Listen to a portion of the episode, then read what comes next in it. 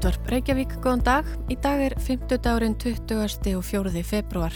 Katrín Ásmundsdóttir og Guðmundur Björn Þorbjörnsson helsa. Þú ert að hlusta á frettatháttin Hádegið.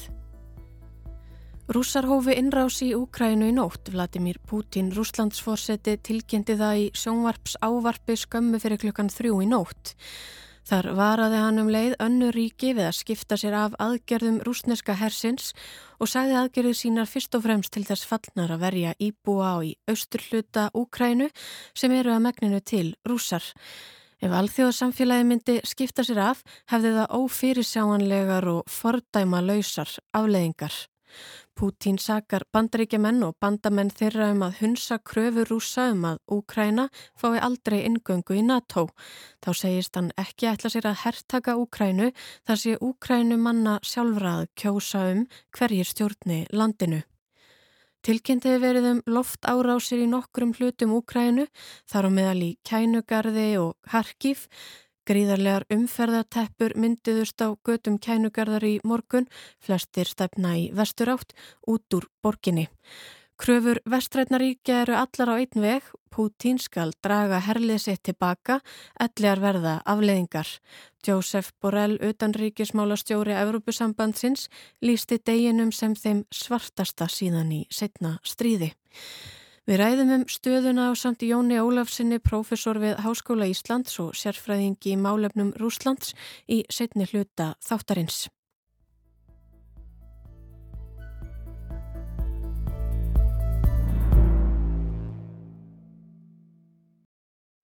En áður en við höldum til Úkrænu stöldrum við við fastan lið hér í hátteginu. Til okkar er komin hún Kristjana Björk Bardal, tæknisérfræðingur háttegisins og stjórnandi auðtíða hlaðvarpsins Skí og við ætlum að ræða hámhorfsmál og streymisveitur en Íslandingar sækja í efni á streymisveitum sem aldrei fyrr. Nýleg neistlukönnun Gallups rennir stóðum undir þákenningu en samkvæmt henn eru þrjú af hverjum fjórum heimilum á Íslandi með áskilja áskrifta Netflix. Ríflega 5. hvert Íslandst heimili er í áskrift hjá Viaplay. Um 45% heimila eru með áskrift að einhverju þjónustu sjónvarp Símans og um fjórðungur er með áskrift af stöð 2. 16% er með áskrift af Disney Plus sem var bara fyrst aðgengileg hér á landi í fyrra og svo er um 10% í áskrift að Apple TV að nógu er að taka. Það má þá kannski segja að það hafi aldrei verið auðveldara nú að glápa á hvað sem hann listir, já eða hvað, því á móti kemur og það hefur kannski aldrei verið erfiðar að hafa upp á akkurat sínum sjónvastætti eða þeirri bíómynd sem eru svona ymmitt í stöði fyrir það kvöldið. Sérstaklega hér á þessu landi þar sem alls konar streymisveitur og efni er okkur óaðgengilegar. Hvað segir þú um þetta mál, Kristjana? Hvað streymisveitur eru stærstar þegar kemur að bíómyndum og þáttum? Bara í heiminum að þá er það Netflix, Amazon Prime, Crunchyroll, Disney Plus, Peacock, HBO Max, Hulu og Apple TV Plus. Vá, maður hefur bara ekki hýrt af sumum þess að. Akkurat. Og við Íslandingar erum ekki með allar veitunar mm -hmm. heldur eins og ég hefði bara aldrei hýrt um Crunchyroll og Peacock mm -hmm. en maður hefur áhuga á því að komast inn í HBO og Hulu einhverjar hafa reynd það. Einmitt, en það stendur okkur ekki til bóða eins og er. Ekki eins og er, ekki með lögulegum leiðum allavega. Já, einmitt, rýmislegt hægt á netinu. Rýmislegt hægt. Og er aldrei hægt að kaupa bara eins og maður getur kipt sér áskrift á þessum streymisveitum og hort á það efni sem þar er bóðið upp á en er aldrei hægt að kaupa eins og bara kannski eitt áhorf, er þetta alltaf áskrift? Sko, það hefur verið Um, aðalega hefur fólk og þetta verður svolítið að færast í aukana í bara þessum flestu öppum og bara þjónustum sem eru veitar að fólk gera sækjast í þessar og, og fyrirtækjar bjóða upp á áskriftar leiðir. Þannig að þú ert þá bara með aðganga að öllum en það eru einhverjir sem að bjóða upp á að kaupa staka þætti eða serjur eins og Amazon Prime er að mm. bjóða upp á það og líka bara eins og þegar fólk er að kaupa tónlist á iTunes og þætti og þá hefur hægt verið að kaupa staka þætti þar Já. en það er kannski svona ekki eins mikið um það hérna á Íslandi að við séum að stunda þetta Einmitt og hvað, hvað erum við að í rauninu, hvað hefur við aðgengi að hérna á Íslandi? Hvaða streymisveitur eru hér? Við erum með eins og komst inn á Netflix og Disney og svo erum við líka með Viaplay sem ég nefndi ekki að hérna því að byrjuna því að það var bara svona það sem er í alþjóðasaminginu. Já. Um, við erum mjög spennt fyrir að komast inn á HBO líka en svo auðvitað eru þessi helstu svona hérna, símafyrirtæki líka með veitur hjá þeim, þau kannski kallaði ekki endilega streymisveitur en eru þá að bjóða upp á sjómastætti sem þau eru að kaupa og ástæðan fyrir því að við erum ekki með aðganga að öllu eru höfundaréttir. Þá Já. eru ákveðnar sjómasrásir eða hérna fyrirtæki búin að kaupa höfundarétt á einhverjum sérium eða bíómyndum og þá þarf þá bara að semja um hvort að báðir mega eiga og einhver þá kaupa þá rétt bara á Íslandi yfir höfuð Mm. eins og til dæmis stöð 2 getur kefti rétt á einhverju efni og þess vegna þarf að gera bara samninga á milli. Einmitt. Og þú segir spennt fyrir uh, HBO eða HBO. Er, er það í vændum? Það var allavega að tala um það að það væri að koma inn og var svona ákveðin hópur sem við fekk að koma núna inn í hérna bara fyrir nokkrum dögum en Ísland var ekki þar. Nú, já, já. ha, og við heldum það og var búið að vera einhverjum svona fréttir um að við erum í næsta holli eitthvað svona. En það gekk ekki alveg en vonandi fáum við meiri aðgang. En það er svona spurning það vil maður þá flakka milli ennþá fleiri appa í Apple TV eða hvað sem maður ert að horfa á þetta sko.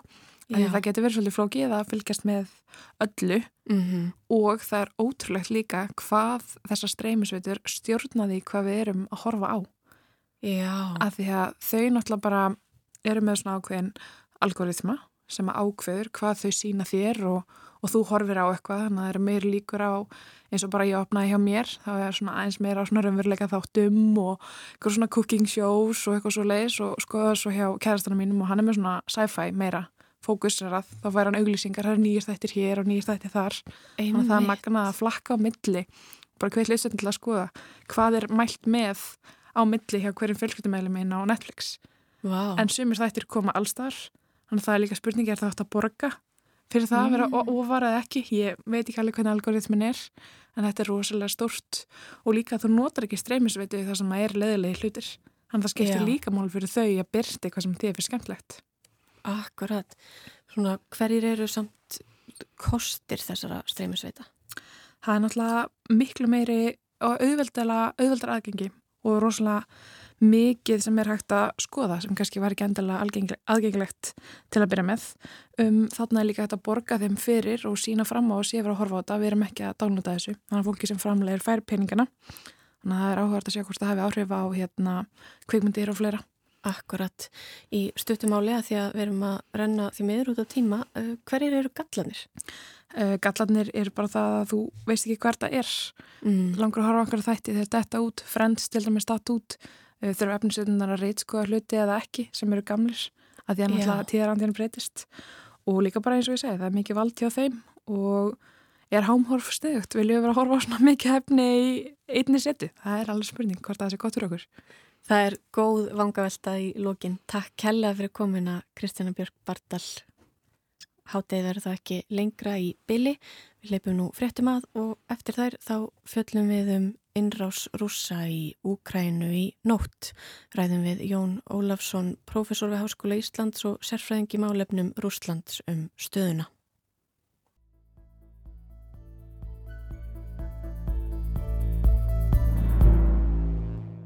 Hófu innrás í, inn í Ukrænu í nótt. Vladimir Putin, Rúslandsfósiti, tilkynnti þetta í sjónvasáarpi skömmu fyrir klukkan þrjú í nótt og varaðum leið önnu ríki við að skipta sér af aðgerðum rúsneska hersins og saði aðgerðir fyrst og fremst til þess fallnar að verja íbúi í austur hluta Úkrænu sem er að megninu til rússar.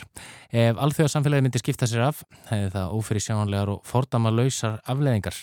Þá sakar Pútín bandarækjumenn og bandamenn þeirra um að hunsa gröfur rússa um að Úkræna fái aldrei yngungu í NATO og segist sem leiðis ekki ætla sér að herrtaka Úkrænu. Það sé, það sé Úkrænumanna sjálfra að kjósa um hverjir stjórni landinu. Í dag hefur verið tilkynnt um loftárásir í nokkrum hlutum landsins, þar meðal í Kænugarði og Karkíf. Gríðarlegar umferðarteppur mynduðist á göttum Kænugarðar í morgun, flestir stefna í vesturátt og út úr borginni og kröfur vestræðnaríkja er allar á einn veg. Putin skal draga herlið sitt tilbaka, ellegar verði afleðingar. Jósef Borrell, utryggismála stjóri Európa-sambandsins, lísti deginum sem þeim svartasta síðan í setna stríði. Hingaði komin einu sinni sem oftar Jón Ólfsson, profesor við Háskóla Íslands og sérfræðingur málöfnum Rúslands. Velkomi Jón. Takk. Við höfum rætt um þetta síðustu daga og vikur og, og nú, er, nú er orðið af þessu, uh, þessi atbarrás í gerðkvöldu og í nótt, hún, hún, hún gerðist nokkur hratt, ekki satt? Jú, um, það var svo sem búið að kannski vera nokkur ljóst að þetta væri uppsiklingu, í, rauninni myndi ég segja alveg frá því að Putin uh, stígur það skrifa viðkjanna sjálfstæði þessara hérna, uh, svo kalluðu alltíðu líðvelda Uh, en auðvitað er síðan atbyrðar á sinn sjálf alltaf sjokkarandi og kemur einhvern veginn öllum á óvart og, og kannski krafturinn sem að, að byrtist í því að, að það er rauninni það er rauninni farið í það bara strax milli, já um sexleitið í morgun að, að morsku tíma að ráðast á allan hernaðarlegan, alla hernaðarlega innviði Úkrænu Uh, næstu því um all landið, það var að vísu ekki farið kannski vestast í Ukrænu með það en, en það er verið að varpa sprengjum og, og einhverjum miðlum herði ég að jáfnvel talað um flaugar sem að var þá skotið á hernaða mannvirki vantarlega þá líka til þess að eidilegja samskipta búnað og eidilegja flugvélar, eidilegja öll hernaðarlega tæki sem að Ukrænumenn hafa. Og, og, og svo getur maður uh, búist í því að það verður reynd að að einangra uh, sagt, ákveðna, ákveðna hluta hersins. Og það getur þýtt að uh, það fari hér inn víðar heldur en rúsar ætla sér kannski akkurat að helga sér svæði að svo morðið komast og það er eitt af því sem við vitum ekki ennþá. Putin er búin að segja að Um, hann líti svo á að, að þessi svæði sem að þurfi sérstaklega að verja uh, þau, það séu héruðin Danetsk og Lugansk þar sem að er talað um sem Donbass einu nafni en ekki bara svæðin sem að, uh, að aðskilnaðar sinnar helguðu sér eða hafa yfirteki, hafa haft völd á í átt ár heldur í rauninu héruðinu öll og það þýður auðvitað að fara inn á svæði og reka þar burt ukrainskan herr uh, en spurningin er síðan Uh, verða héruðin til hliðartekin til dæmis uh, Kharkov sem er næsta, næsta hér að við eða, eða Dnipropetrovsk sem er suðvestan við, við Lugansk eða Zaporozhye sem kemur þar næst Þa, það er held ég ennþá uh, óljóst hvort að það verður vegna þess að þegar að Putin uh, talar um þetta þá, þá ákveður hann sjálfur hvað orðin þýða Þannig að hann ákveður það hvað úkrænst land er, uh, hvort að það er einhver lítill bleðill sem hann ákveður að skilja eftir eða, eða eitthvað annað. Þannig að við, það er mjög margt sem er ennþá óljóst í þessari hernaðarframvindu. Einmitt, e, það kom mörgum á óvart að, að, að já, það væri, væri gerðar árásir á, á kænugarði að Kíaf e, núni í morgun þessum að já, þessi, þessi höfuborg Ukræn er svona yfirlt ekki töluð um í þessu samingi fókusin er yfirlt á austurlutan á, á Donbass hér að e, sínir þetta að Putin er að reyna að veikja herin og allan hernaðlegan infrastruktúr hjá Ukrænu út um allt land Já, ég held að það sé, það sé nokkuð ljóst. Uh, allavega, uh, ef við tökum, tökum línuna svona einhver staðar vestan við Kiev og, og austur úr. Mm -hmm. uh, sko það er líka menna, það, það, það eru fréttir af einhverju framrás herja yfir kvítrúsna sko landamærin og það er náttúrulega eitt af því sem að uh, sumir hafa uh, þeir sem hafa verið að spá allsherjar innrás og jáfnveil tilrönd til að taka landið yfir í heilsinni hafa einmitt bent á það að, að það, það er mjög greið leið frá kvítrúsna sko landamærunum inn í Kíf Já, það er frekar stutt þarna á milli. Já, og, og mjög góður vegur mhm. og hérna uh, og, og það er líka sko á, á hinbóin uh, sko þá eru þetta uh, ég meina það að ætla sér að her herrtaka höfuborg Úkrænu sko það kostar bardaga inn í borgarumhverfi sem er ekki víst að að, að menn séu endilega að, að, að ætla sér núna þó, þó að maður vitti það náttúrulega ekki sko. en, en, en, en klárlega þá er aðgerðina núna snúast um að veikja herinum allt, allt land og, og til þess að eiga svona auðveldar með að taka yfir þau svæði sem að hérna rúsa vilja taka. En sko, en sagt menna, það hlýtur að vera uh, strategísk sín þeirra að uh, þetta gerist hratt með sem minnstu mannfalli vegna þess að, að allt, allir bardagar, uh, allt, allt blóð sem rennur, tala nú ekki um óbreyttir borgarar, uh, óbreyttir borgarar falla, þetta á eftir að bergmála heima fyrir og, og það er líka hlutur sem að rúsneska yfirvöld þurfa að hugsa mjög mikið um, þar að segja hvernig almenningur upplifir þetta heima fyrir. Ég held að þurfi ekki sko, þetta þarf ekki að dragast mjög mikið á langin til þess að þar fari eitthvað að bresta vegna þess að það, það er mjög lítill stríðshugur í rúsneskum almenningi og það er margsinnis komið fram að jáfnveil þó að, að, að fólk sé tilbúið til þess að taka undir eitthvað af þeim sögulegu fabuleringum sem að Putin hefur verið með uh, síðustu mánuði þá er ekki þar með satt að það sé tilbúið til þess að samþykja innrás í landið eða, eða vopnaða yfirtöku þess En Putin hann talar auðvitað þannig að, að það er ekki alveg, maður getur ekki verið 100% vissum hvað hann á við. Eitt af því sem hann sagði til dæmis í, í, í fyrra daga við mann rétt, ekki í ávarpinu uh, sem hann flutti þarna fyrst, heldur síðar, að hann hann sagði að, að hann hefði engan áhuga á því að, að, að sko, skilja á milli bóls og höfuðs á ukrainskum yfirvöldum og bætti því svo við að þetta fólk geti alveg farið eitthvað annað.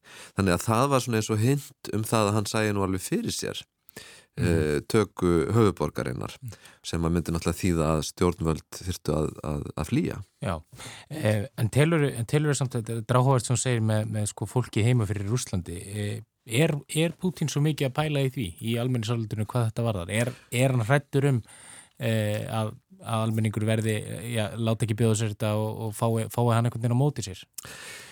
Sko hann virðist vera uh, nokkuð viss um að uh, það sé samúð með þeim málstað sem hann, sem hann leggur fyrir þjóðina og það kann að vera eitthvað til í því en uh, andúðin á uh, manndrápum er það mikil heimafyrir og það er það stutt minni eða sagt, það er stutt síðan að fólk, uh, fólk man atbyrði stríðið í Afganistan það er ekki svo langt síðan því laug það eru bara 30 ár.